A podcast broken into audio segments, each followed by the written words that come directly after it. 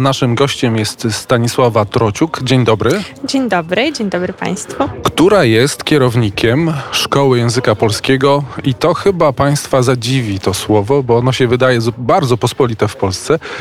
Szkoła nosi nazwę Kanapka. Tak. Dlaczego kanapka? Właśnie kiedyś musiałam wymyślić, na, wymyślić nazwę i wpadliśmy na taki pomysł, że to musi być jakieś polskie słowo, bardzo proste, może takie, które też jest znane na Ukrainie. No właśnie kanapka, takie proste słowo, które szybko się zapamiętuje. No i tyle. Wiem, Nic takiego. Wiem, że tu słowo kanapka jest w użyciu, chociaż w literackim ukraińskim jego chyba nie ma. Jest butterbrot. No Tutaj mm -hmm. rzadko słyszymy butterbrot, ale już tam za zbruczem to tej kanapki chyba nikt nie rozumie. Nie, nie, nie rozumieją ludzie. Zazwyczaj, zazwyczaj to jest takie pytanie, to jest pierwsze słowo moich uczniów, którego się nauczyli e, właśnie idąc do mojej szkoły. Zainteresowanie językiem polskim wiemy, że jest duże. Karta Polaka, studia w Polsce, wiele powodów. Jak to jest? Czy dużo osób rzeczywiście e, stara się uczyć języka polskiego, stara się dostać do szkół na kursy? E, tak, właśnie zaczyna się od tego, że rodzice chcą, żeby ich dzieci studiowali za granicą i dlatego chcą, żeby uczyli się polskiego, bo to jest taka najprostsza droga do Unii Europejskiej, do tego dyplomu Unii Europejskiej. E, też często ludzie po prostu jadą do pracy. E, bardzo Ostatnie, przez ostatnie kilka lat mam dużo e, uczennic, e, które po prostu jadą do swoich mężów.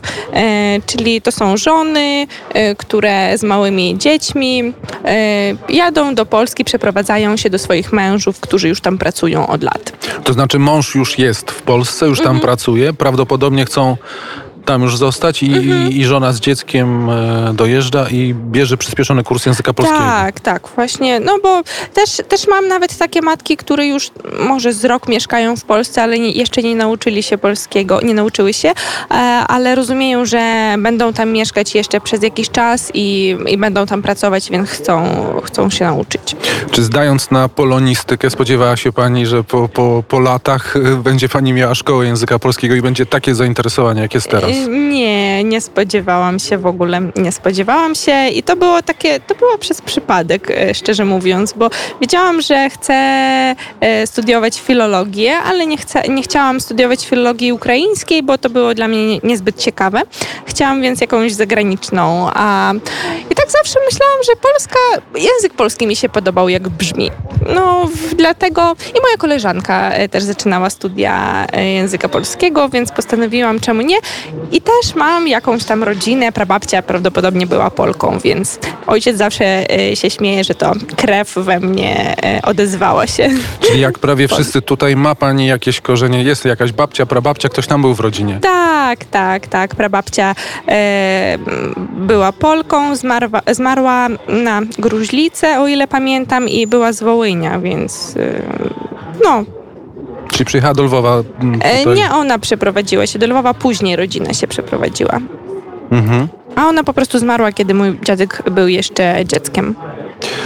Tutaj warto przy tej okazji powiedzieć, że pani prowadzi wideoblog y, również, y, który można znaleźć w YouTubie i on cieszy się dużo, dużą popularnością. Ci, którzy korzystają z niego, to znaczy chcą się uczyć w ten sposób, mówią, że bardzo taki yy, energiczny, wesoły sposób mówi Pani o języku polskim, o związkach frazeologicznych, o, o tych rzeczach, które mogą być już kłopotliwe dla tych, którzy poznali język polski, ale na takim podstawowym poziomie. No właśnie, e, filmy mam e, na różnym poziomie, e, na różnych poziomach i też, też mogę powiedzieć, że nawet Polacy mnie niektórzy oglądają, którzy uczą się ukraińskiego, bo często robię takie tłumaczenia polsko-ukraińskie i mówię też po ukraińsku i napisy mam polsko-ukraińskie, więc korzystają z tego bloga też, też Polacy. Ale jeżeli chodzi o Ukraińców, to tak, rzeczywiście mam i dużo filmów o frazeologii, ale też mam y, niektóre gramatyczne rzeczy i też takie o słownictwie, więc staram się, żeby był taki rozmaity. Czy to jest bardziej reklama, czy to jest wprawa w, w sztuce uczenia języka, czy, czy, bo na YouTubie podobno już się nie zarabia tak jak przed laty? Nie, nie, na YouTubie e, e, jakieś tam pieniądze wpadają, ale to bardzo mało. E, natomiast dla mnie to jest bardziej jak, jako taka twórcza realizacja, powiedzmy tak, bo ja w ogóle przez pięć lat, jak, jak byłam na studiach, to grałam też w takim teatrze amatorskim. E, nazywa się Teatr My i jego reżyserem jest też Polak. E, I właśnie, właśnie stamtąd mam takie, mm, nie wiem, czy to ambicje, czy to po prostu mm, miłość do sceny i, i do, do jakiejś twórczej takiej pracy, więc to jest moja twórcza realizacja jako nauczycielki. A ten reżyser jest tutaj? E, w Lwowie? Tak, oczywiście. Walery Sobieskin. A, dobrze, będzie może, trzeba będzie go zaprosić następnym razem. O tym panu już słyszałem mhm. wiele. Jakie są reakcje na, na te y, pani wideo, blogi, na te opowieści o polszczyźnie? O, zazwyczaj są bardzo pozytywne, naprawdę. I, I, też bardzo pozytywne y, z tego punktu widzenia, że ja y, jako jedyna chyba, albo jedna z niewielu y, po ukraińsku uczę polskiego, więc zazwyczaj jakieś na YouTubie filmy są po rosyjsku, o języku polskim, e, a ja mam takie ukraińsko-polskie filmy, co się rzadko spotyka, więc y, dlatego myślę, że jest dość popularny wśród y, Ukraińców i, i wśród Polaków, którzy zainteresowani są językiem ukraińskim. A zatem dobrze, dziękujemy, życzymy powodzenia. Pani Stanisława Trociuk była gościem szkoła Kanapka. Jak pani uważa, jeszcze na zakończenie, jest pokolenie, które polskiego praktycznie automatycznie się nauczyło. Jest pokolenie Ukraińców z Lwowa. Wczoraj rozmawiałem z taką osobą, która nauczyła się polskiego poprzez fascynację polską kulturą, poprzez kontakt z polskimi mediami. Jeden, jeden z hitów y, ukraińskiej piosenki e, mówi o polskim radiu. To w pewnym pokoleniu y, to było normalne, że się tego słuchało. Teraz jest y, w dobie internetu, globalizacji to już tu nie dociera.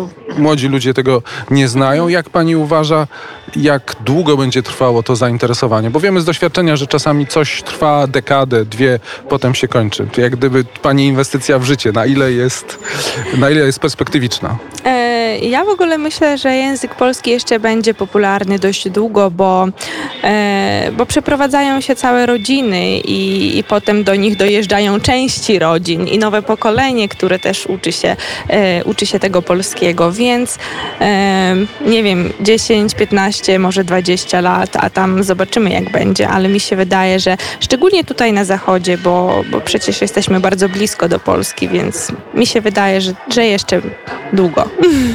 Przed jakimi pułapkami przestrzega Pani? To jest temat, który już poruszaliśmy w naszych audycjach, ale wiemy, że te języki są bardzo podobne, ale czasami można naciąć się, mówiąc kolokwialnie, to znaczy użyć słowa, które będzie zupełnie nie tak zrozumiane, jakbyśmy chcieli.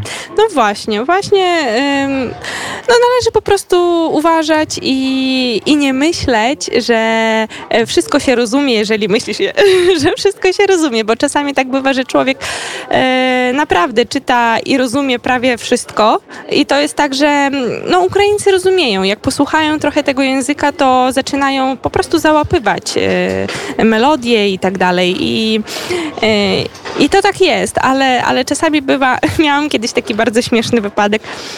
Y, przyjaciółka weszła do, do toalety damskiej i bo to była, byliśmy mieszkaliśmy wtedy w akademiku i ona weszła i chciała zapytać, czy w toalecie jest papier toaletowy, bo czasami tak bywało, że go nie było.